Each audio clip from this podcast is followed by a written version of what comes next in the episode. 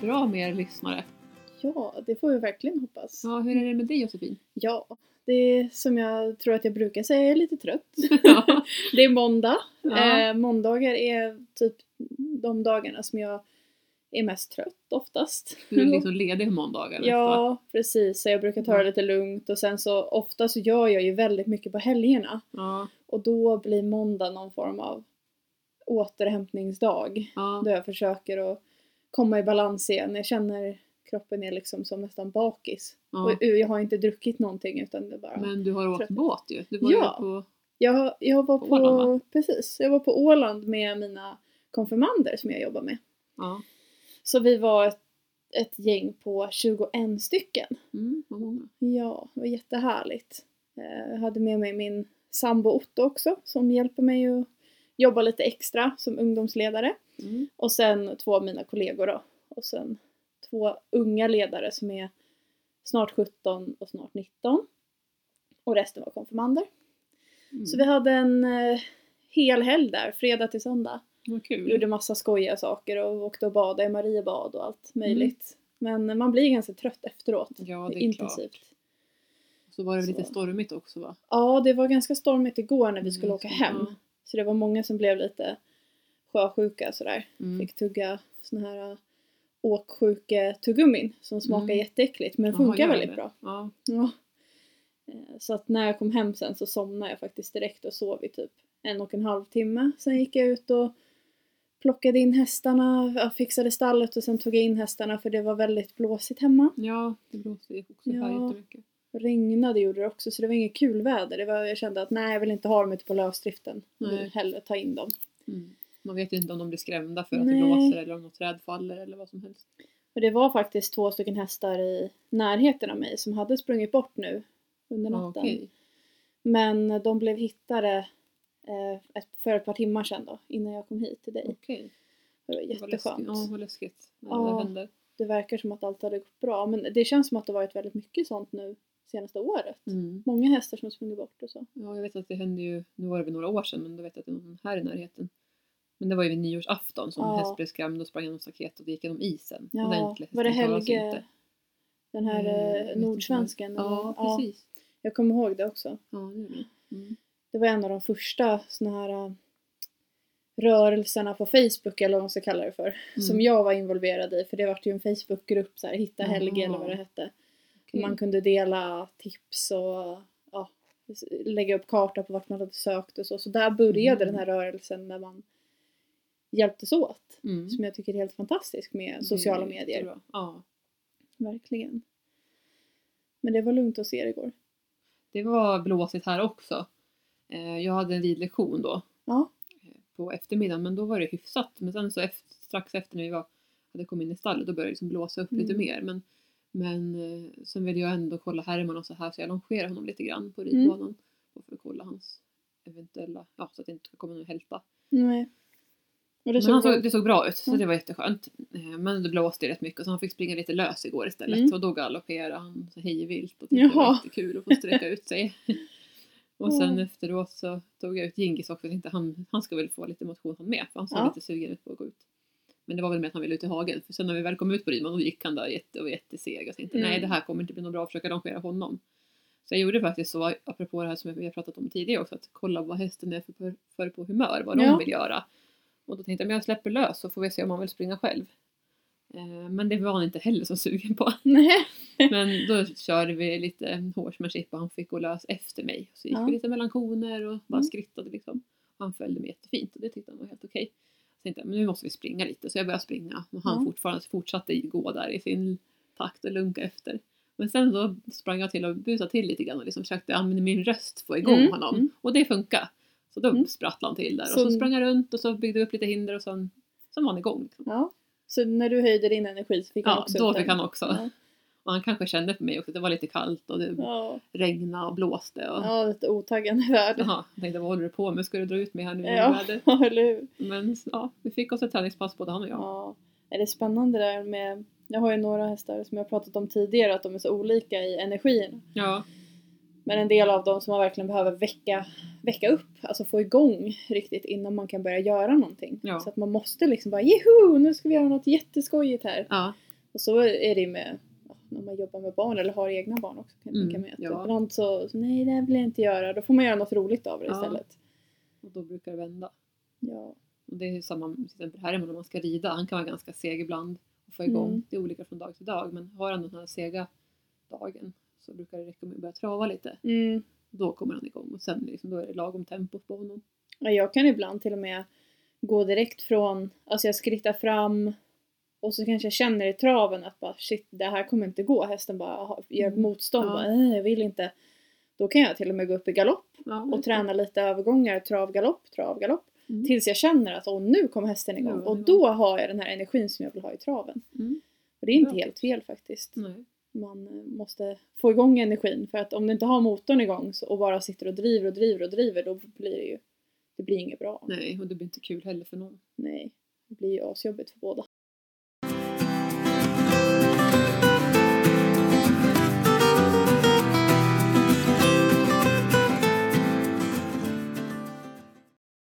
Vi har ju börjat med en ny rutin här hemma i mitt stall. Eh, ja, men det är en av mina ryttare som har ridit hos mig för ett par år sedan har kommit tillbaka. Mm. Jätteduktig, ganska ung tjej. Hon fyller 21 i år. Mm. Eh, och hon har eh, börjat träna dressyr för en jätteduktig tränare som heter Britt Hamberg. Mm. Eh, hon är landslagsledare för Young Riderna i Young Rider-laget. Eh, och hon håller till faktiskt bara 10 minuter hemifrån mig. Mhm. Så att eh, nu varannan tisdag ska de åka upp dit och träna dressyr. Roligt. Ja, och tisdags, tisdagen som var, då var vi där. Eh, jag jobbar ju alltid på tisdagar naturligtvis den Mm. dagen. Så jag fick gå lite tidigare från jobbet, min kollega var jättesnäll, lät Mm. mig åka. Så jag körde direkt ifrån jobbet till stallet och kom dit bara fem minuter innan de skulle köra igång sin lektion. Mhm. Så jag han var med och titta hela tiden. Och lilla euforien som hon red på, det är min, eh, han är D-ponny, Ja. en, av mina araber. Så eh, han skuttade omkring där, han såg jättefin ut. Eh, och först var hon tydligen lite så här showig och skulle visa Ja. upp sig men sen så slappnade han av och såg jättetrevlig ut. Så det, var, det var en väldigt fin avslutning på lektionen, verkligen. De Kommer hon ju rida honom varje gång eller kommer hon rida olika hästar? Jag tror att hon kommer rida honom. Ja. Eh, hemma hos mig så tränar hon ja, de flesta faktiskt. ja. Och eh, tanken är väl att hon ska få starta några av de andra också i dressyr framöver. Men i första hand så är det euforien som hon ska tävla. För honom har hon varit ute med ganska mycket. Eh, förra året och förrförra tror jag också. Okej. Men nu när hon har fyllt 21 så är hon ju inte ponnyryttare längre. Nej. Utan då kan man rida så speciella tävlingar som heter typ rå eller rö. Och jag är inte alls insatt i det här ska jag säga men det, hon har förklarat lite för mig att vissa tävlingar finns det inte de här äh, åldersgränserna i. Men då är de lite speciella. Mm. Men generellt i vanliga dressyrtävlingar så behöver hon rida honom som en häst nu, även om han är ponny eftersom att hon är Mm. för gammal för att rida ponnyklass. Eh, och då kommer hon tävla division 3 med honom för hästar. Så det ska bli jättespännande att följa och se om det kan funka bra. För Mm. de har fått fina procent i eh, ponnyklasserna. Mm. Jag hoppas ju att han kan prestera bra även om han tävlar mot stora hästar och är väldigt Ja. liten då. Men Han har fina gångarter och rör sig jättetrevligt och kan bära sig väldigt bra också. Ja. Den är ganska knepig att rida. Känslig och väldigt framåt samtidigt. Så du måste ha väldigt mycket stöd i handen, alltså kontakt med tyglarna. Men vara väldigt mjuk samtidigt. Mm. Du får inte ta för mycket i honom. Och du får inte ge för mycket eftergift heller. Utan han behöver ha det här stödet för att han Mm. är så... Han har så mycket power liksom. Mm. Visst var det honom som gör det hos dig? Mm. Precis, och då, du vet ju han är ju Första värsta gången. m- myspällen också. Ja, hur är det till Lufsa i skogen? skogen. Ja, han är ju liksom så himla allsidig och Ja. Jag har ju honom mycket på lektioner och sånt där också. Jättetrevlig Ja. eh, lektionshäst. Och världens härligaste personlighet har han. Men eh, när, när han ska jobba på rätt sätt, om han ska jobba på rätt sätt, Mm. då vill han ha ryttaren med sig. Att man ska Mm. ha liksom allt på plats. och inte fuska med någonting eller glappa med tygen eller sådär. Mm. Så det ska bli jättespännande att följa hur den här utvecklingen blir. För det här blir första lektionen de tar och de, hon, den här tjejen som rider har ju faktiskt tävlat honom som jag nämnde. Mm. Men under den perioden som hon tävlade honom så var det väldigt spontant sådär typ hästen hon brukade tävla var skadad eller sjuk och så hörde hon av sig till mig, kan jag få låna honom på en tävling? Och jag är såhär, ja men det blir kul. Mm. Även om Euphoria mest har ja, tränat uteritter och dressyr någon gång ibland väldigt sporadiskt då tills Emma Mm. kom så um, har eh, ja, han, han hade inga problem att åka iväg och tävla dressyr och prestera suveränt och jag tror någon av tävlingarna förra året kom han väl fyra, fjärde placerad med henne, Mm. eller ett B tror jag det var. Mm.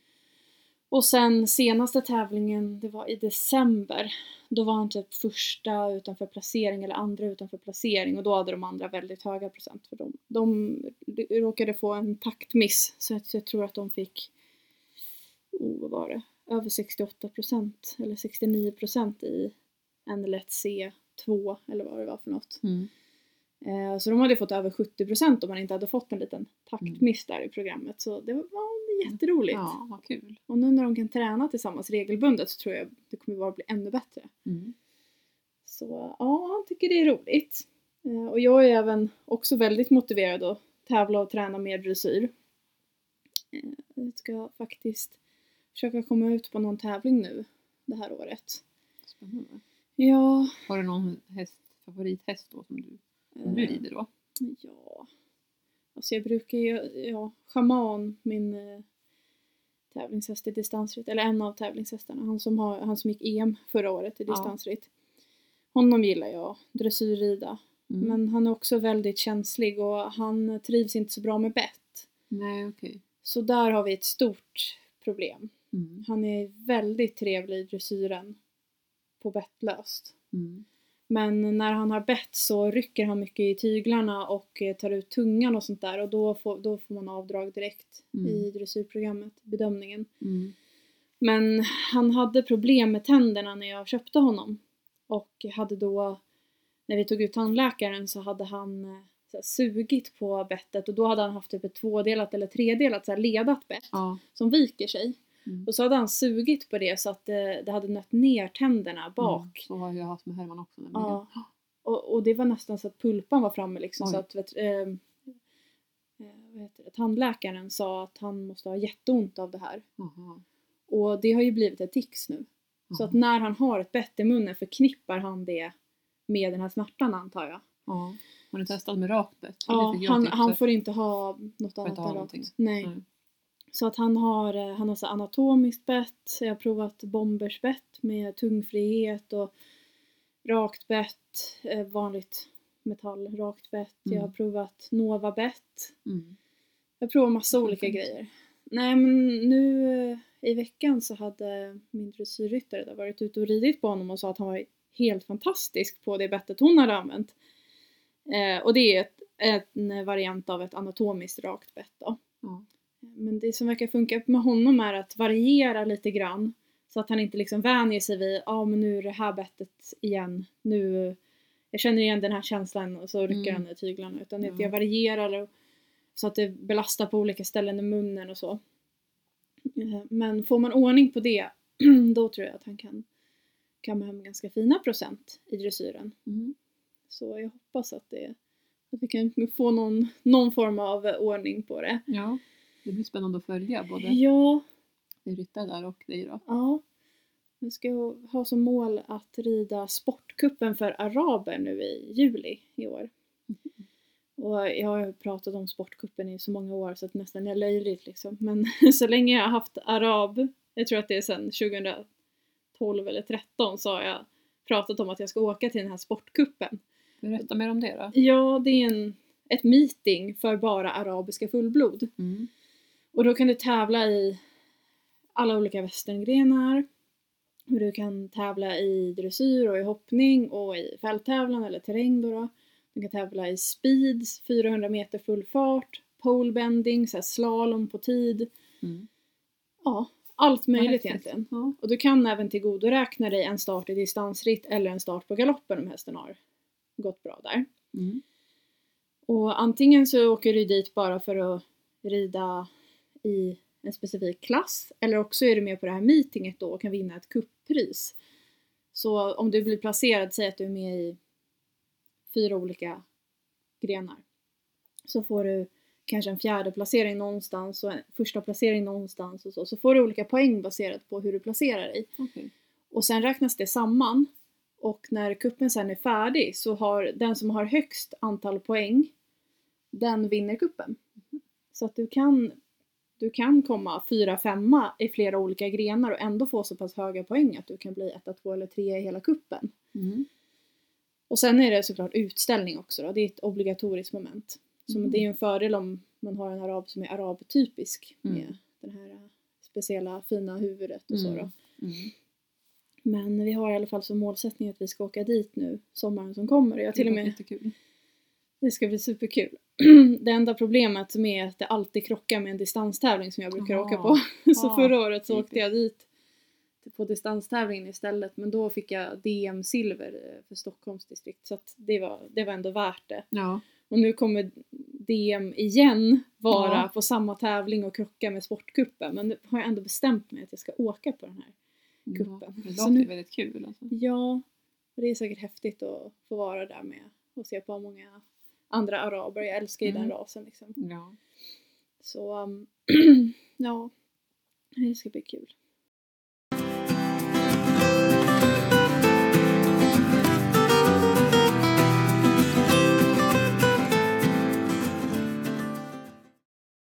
Visst ska du iväg på den här ryttarutvecklingen igen va?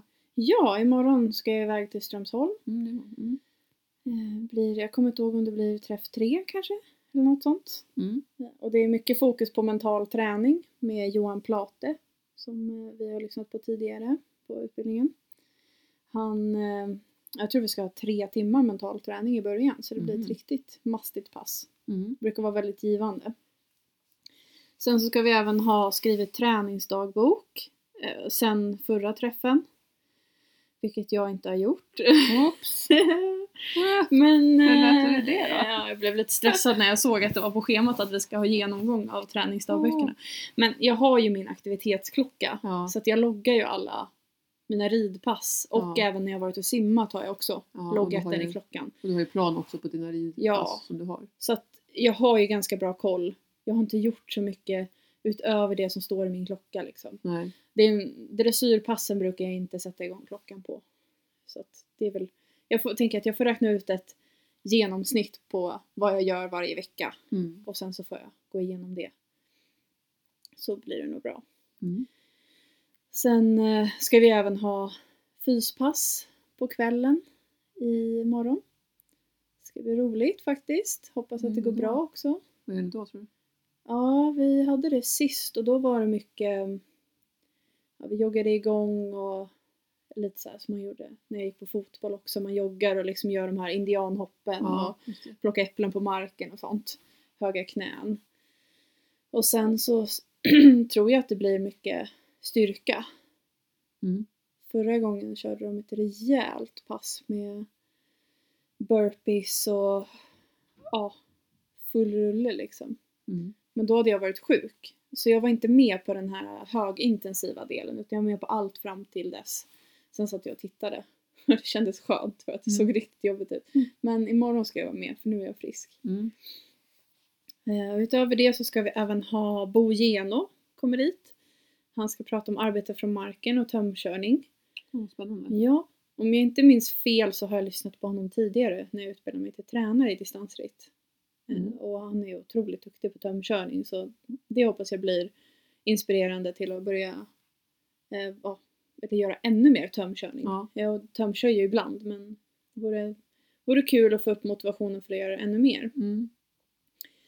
Sen dag två ska vi även ha veterinärlära och prata om hur vår ridning påverkar hästens hållbarhet. Också otroligt spännande. Ja, och så viktigt. Ja, eh, det är en kvinna som heter Ulri- Ulrika Norell som kommer och pratar om det. Mm. Och ja, men där tänker jag att jag kommer få in, jag hoppas att jag får mycket nya inputs där. Mm. För vi har ju pratat om hållbarhet i ett av våra avsnitt och det är ju ett av de roligaste ämnena och viktigaste ämnena Mm. enligt mig. Men det vore jättekul att lära sig ännu mer. Så kanske vi kan dela med oss av det sen i Ja. podden. Ja. Och sen ska vi även prata om ifall skador går att förebygga. Så det hänger ihop Mm, lite hänger ihop. Mm. Med Cecilia Lundell som vi har lyssnat på förra träffen också. Mm. Och avslutningsvis så är det någonting som kallas för trygga ledare med en som heter Katrin Andersson. Får vi se lite vad det är. Mm. Men jag tänker att det kanske handlar lite om hur man, hur man är en bra förebild och en ledare för sitt team kanske. Mm. Eller så. Spännande grejer. Det Ja. verkar ju verkligen bra. Mm. Jo men det är otroligt eh, bra satsning alltså. Jag Ja. känner att ju mer sånt jag åker på ju bättre blir jag. Ja, Och, ju det- mer motiverad. Precis vad jag skulle säga. Ja. Jag kan koppla det till mitt andra jobb när vi åker iväg på utbildningar och sånt. Ja. Att det är där man får tankar energin. Mm. Energi och liksom pepp, man blir mer peppad när man åker hem därifrån peppad och full, full av inspiration. Ja. Och och sen är energi, liksom. Ja, och det är ju de små förändringarna.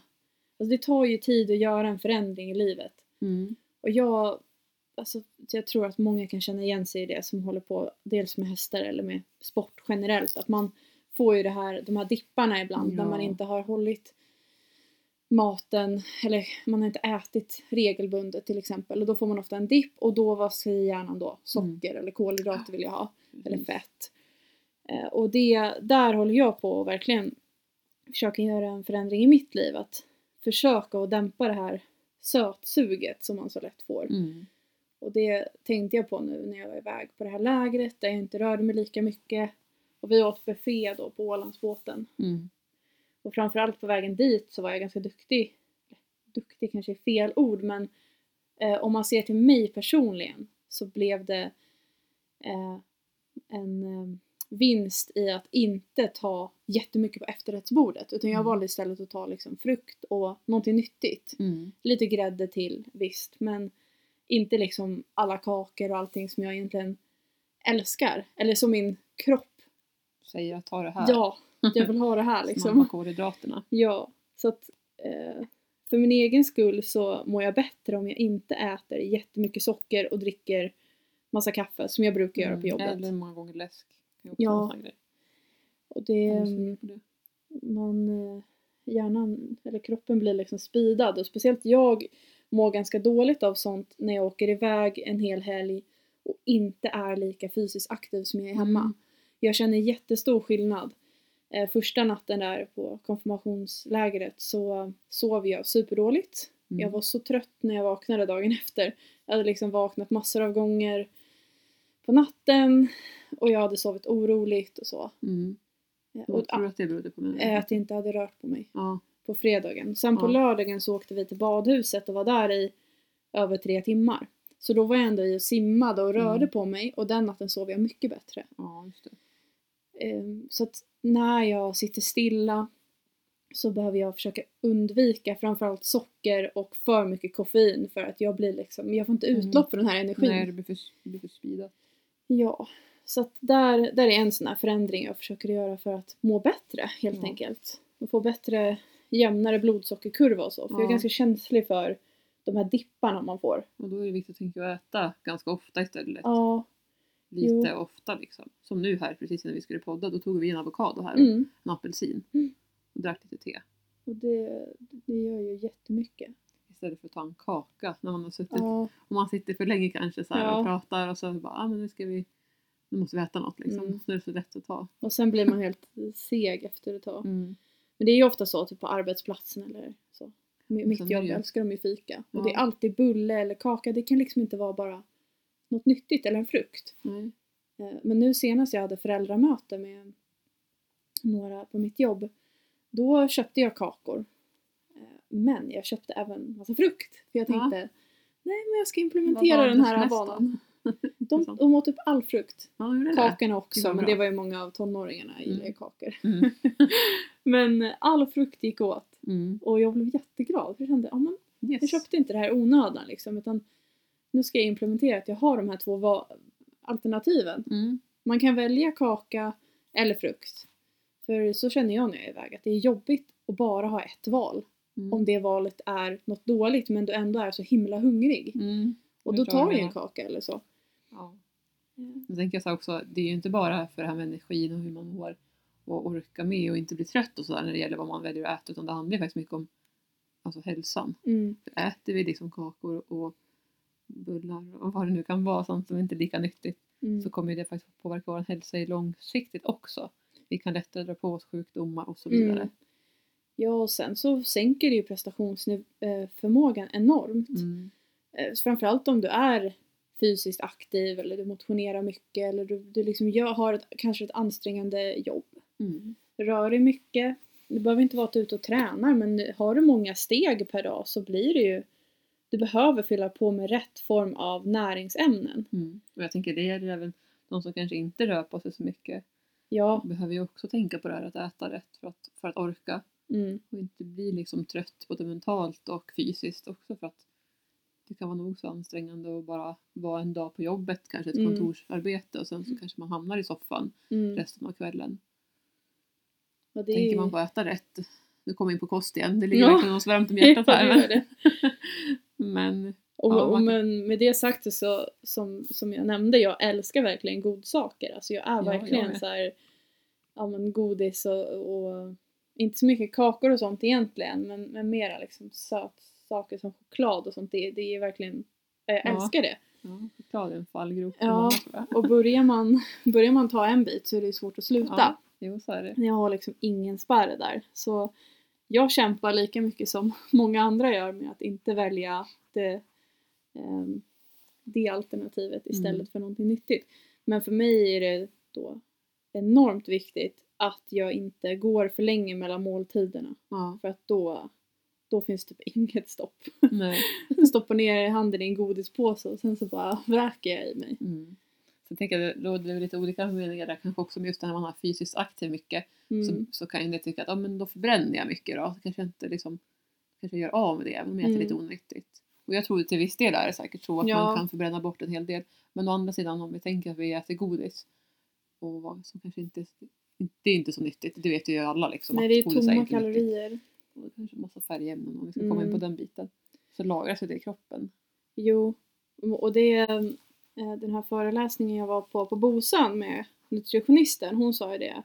Ja, men vad är onyttigt och nyttigt? Ja. Alltså för en person som har ett väldigt högt, eh, en väldigt hög energiomsättning Mm. så kanske det onyttiga inom citationstecken kan vara bättre att välja Mm. än det nyttiga Mm. ibland.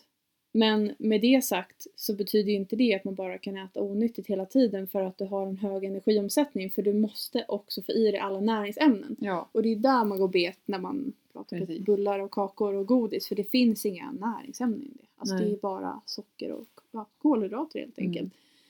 Så visst kan man unna sig och ibland visst kan man unna sig jätteofta. Som såna här ultramaratonlöpare som jag också har lyssnat på som äter Nutella-mackor och typ chokladbollar.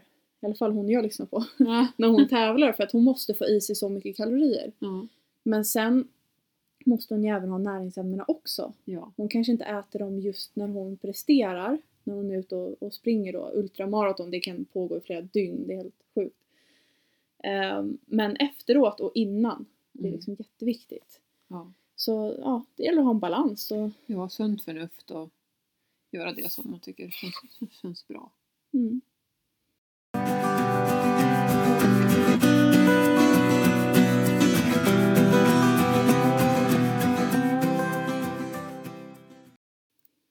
Vädret har ju varit ganska kast här igen, eller det har ju varit det hela Ja. vintern men det blev ju några minusgrader här ett par dagar. Ja, och då blev det betong i marken. Ja. Alltså det, Men det är inte någon snö, det är Nej. hopplöst. det, det är bättre i skogarna när det är minusgrader. Men på grusvägarna blir det ju stenhårt nu när det inte är någon snö. Ja, Så visst har ju du någonting på gång här framöver? Du har en Ja. tävling på gång va? Ja, det har jag. Eh, Den här tävlingen som vi nämnde i något av våra tidiga, första avsnitt. Att jag Ja. skulle åka på en vintertävling. Och ja, jag var på den förra året och det var fantastiskt vackert med snö och allt möjligt. Men även där tävlingen ska hållas nu så är det ju problem med att det inte är det underlaget. Nej. Och när jag kollar väderprognosen så säger det att det ska bli, ja just nu är det plusgrader tror jag, och det har regnat. Och sen ska det frysa. Och då känns ju det som att det kommer bli isbana liksom. Ja. Så att jag är så här, i valet och kvalet, jag är superambivalent och vet inte vad jag ska göra just nu. Vilket också gör mig trött för att jag, det tar upp mycket energi i Mm. hjärnan liksom och går och har det i bakhuvudet hela tiden. För du ska jag inte åka på fredag Ja, och det är måndag idag. ja. Så um, ja, jag- jag måste fatta ett beslut närmare helgen då. Ja. Jag skulle åka med två hästar och så ska jag rida 10 mil så det är ju inte bara att lufsa runt liksom. Ska du rida 10 mil så det, det sliter på hästen och du vill gärna ha bra underlag och sen så vill du ju kanske heller inte rida på 10 kilometer i timmen i genomsnitt. Alltså det tar 10 timmar då. Mm. Och det sliter också. Att vara ute så länge. Så, ja, jag vet inte vad jag ska göra. Ja, det svåra är att jag får inga pengar tillbaka om jag struntar i det. Annars hade det ju varit enklare att fatta ett beslut. Mm. Men nu ligger jag ute med pengarna. Ja, det är, det är ju tyvärr så, på gott och ont, i Mm. distanssporten att vi är ju beroende av väder och vind. Och på många sätt är det en av sakerna jag, jag tycker mest om.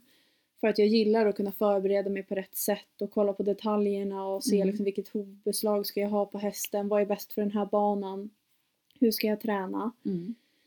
Men i det här fallet så känner jag mer så här, men shit, tänk om jag riskerar hästens hälsa, att hästen kan bli dålig eller skadad eller någonting Ja. av det här. Det vill jag ju inte, absolut inte. Det blir mer kostsamt tänker jag då. Ja, det kan ju ta jättelång tid, Ja. både, kosta både tid och pengar.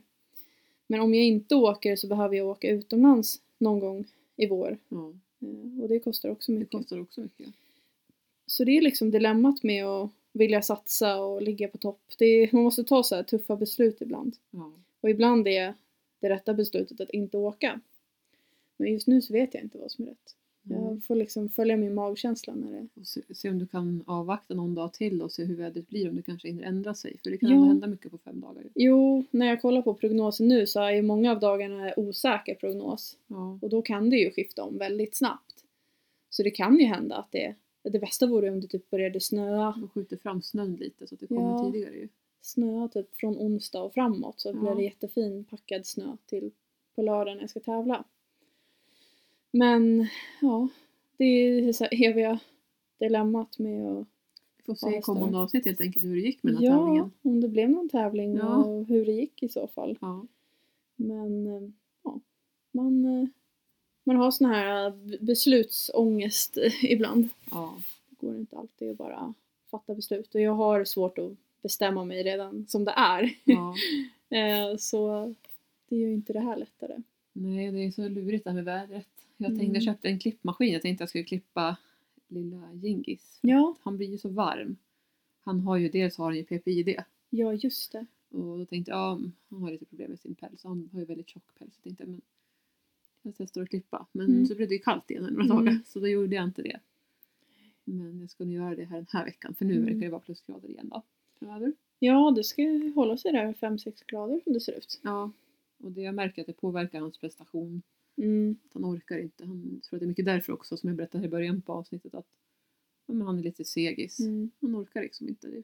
Han är för varm. Nej, jag tänker det.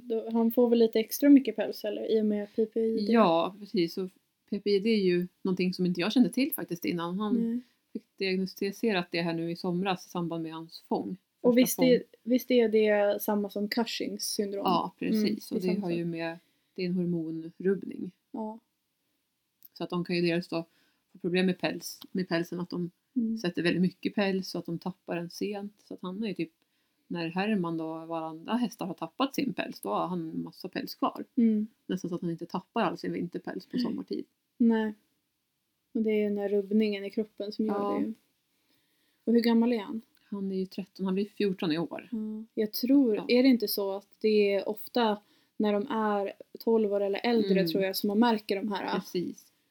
Då det kommer liksom. Och du märkte det i samband med att han fick fång? Ja, det var när veterinären var ute så tog de ju prov, prover och så. Mm. Blodprov och så vidare. Då kom de ju fram till att det var så. Så att han medicineras ju. Mm. Och det är ju ganska kostsamt tyvärr. Så han äter en tablett om dagen och det blir ganska mycket pengar kan Mm. jag säga. Hur, mycket, Vad- hur mycket kostar det typ? Ja, vad betalar jag nu för 160 tabletter? Det är typ 2 7 ungefär, däromkring då. Ja, det är över för 6 000 på ett år typ. Ja, 5-6 000. Mm. Så ja, det blir ju ungefär 500 i månaden i alla fall. Mm. Men, eh, men med den medicineringen så kan han ändå funka liksom Ja. normalt och bra. Jag märker att han är mycket bättre prestationsmässigt och så, men ändå så är det någonting. Han behöver kanske äta medicinen ett tag till för att Mm. hinna liksom märka skillnaden. Mm. Sen ska det bli intressant att se också med hans eh, fångproblematik nu, att han fick fång också. Ja, just det. Men det har, har ju samtidigt inte bara samband med peptiden att göra tyvärr. Utan det verkar även vara så att han är insulinresistent. Okej. Eh, Det tyder värdena på för vi har tagit såna, två sådana här glukostest då. Mm. Och då, vad Ja. innebär det då? Att han inte får beta gräs? Precis, då kommer han ju vara känslig för beten och, och liksom, troligtvis inte kunna gå. Alltså det är ju en Mm. risk man tar om man skulle släppa dem på bete. Risken är att han blir sjuk. Mm.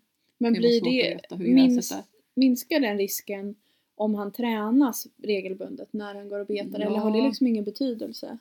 Det vet jag inte helt säkert men det kan säkert påverka. Alltså rätt träning och ja, även det med behandla mot PPI, det är liksom rätt att han får Mm. sin medicin för det så kan det absolut hjälpa till att det inte kommer tillbaka. Men samtidigt så är ju ändå, han är ju redan insulinresistent och väldigt känslig då för socker. Mm.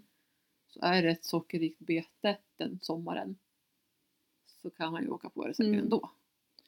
Min, Så det är eh, jättesvårt då. ja, min ena kompis, eller en tjej som rider hos mig som jag har blivit väldigt nära vän med. Hon red en häst, hon är från Nederländerna. Hon hade en häst där som var lite som hennes egen en ponny. Och den visade sig ha PPID också, Mm. Cushings. Eh, Men hon sa det att när den fick medicineringen blev den som en helt annan häst efter ett tag. Ja, kul. Och att den, alltså hon märkte ingen skillnad alls på, på hästen i sättet eller Nej. liksom i framåtandan eller någonting.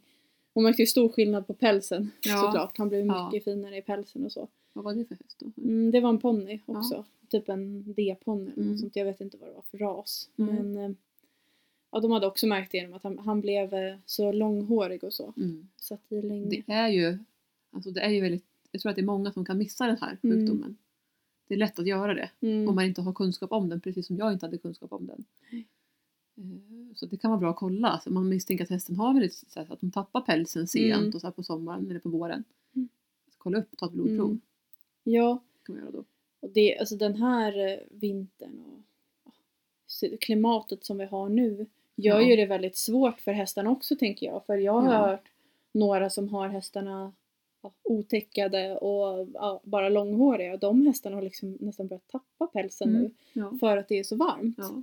Så ja, Sen tänker jag också det här med Mm. väderomslag och så här hur det har påverkat. Jag menar, förr, förra sommaren var det väl, inte nu somras, men sommaren innan, då var det jättetorrt. Eh, Så det fanns ju inte mat. nej. Och sen nu sommaren som var, då var det ju liksom, då regnade det ju. Mm. Och det blev mycket mat istället. Mm. Jag tror att det är också därför som han, inbillar jag mig i alla fall, att det har, har att göra med att han blev mer känslig Det för, tror jag också. för gräset. Och det var, det var mycket socker då. Jag, det jag upplever att det var många som fick problem efter den torra sommaren 2018. Mm. Och att det säkert hade med gräs och Mm. alltså tillväxten att göra. Det, så det är så här efterdyningar. Man Mm. får hålla lite koll på hästarna tror Vi jag. ser efter den här vintern om vi inte får någon snö så kanske man får ha lite extra koll även där. Och Ja, vad Ja. som händer. Det är svårt att veta vad som händer. verkligen. Det är också eh, apropå Men det att det här. påverkar tänker jag, det måste det göra. När det, liksom, när det, när det heter det, vad säger man, det blir undvikande över det normala. Mm, mm. Ja, jag såg en eh, bild på en ka- Sverigekarta nu i helgen när jag var iväg på eh, hur, eh, hur avvikande det hade varit i temperatur jämfört med det normala Mm. och vart det hade varit avvikande. Och då var liksom hela Sverige rött. Jag vet inte under vilka månader det var men det- var någon gång nu under vintern liksom. Ja. Att överallt i Sverige hade det varit någonstans i alla fall avvikande till det varmare istället. Och jag hörde att det var någonstans söderut, hade det varit liksom 12 grader eller något i genomsnitt. Mm. Alltså det hade varit vår liksom Mm. i någon av de här vintermånaderna som har varit. Kungsträdgården har ju blommat lite. Ja, ja det, och det är och snödroppar och grejer hemma på tomten. Så att Har ni det Amanda? Ja. Jaha. Det är helt knäppt. Men Mm. ehm, ja, Ja, vi alltså, får vi, vi får hoppas på Det- bästa, bästa möjliga lösning. Jag vet inte vad det är liksom. Mm. Men, ehm, någonting som är bra för klimatet och bra för hästarna och för, ja, för alla. Mm. Kom ihåg att följa oss på Instagram på våran Livet med hast-podden. Ja. Vi eh, har ju lagt upp en del inlägg där nu. Men eh, det kommer att komma ännu mer framöver och eh, så småningom kommer vi även ha någon liten tävling. Som kommer att ligga på Instagram och Facebook. Mm. Det kommer bli superkul. Ja. Och sen har vi även vår mail som ni kan skriva direkt till um, livetmedhast gmail.com Då kan ni dela med er av kanske frågor ni har eller om ni har något önskemål på tema som vi ska prata om. mm. Och det går ju jättebra att skicka DM på Facebook eller Instagram också såklart. Ja. Men ja, det är bara trevligt när ni hör av er. Så ha det så jättebra så Ja, hörs vi Ha det bra! nästa vecka. Hejdå! Hej då!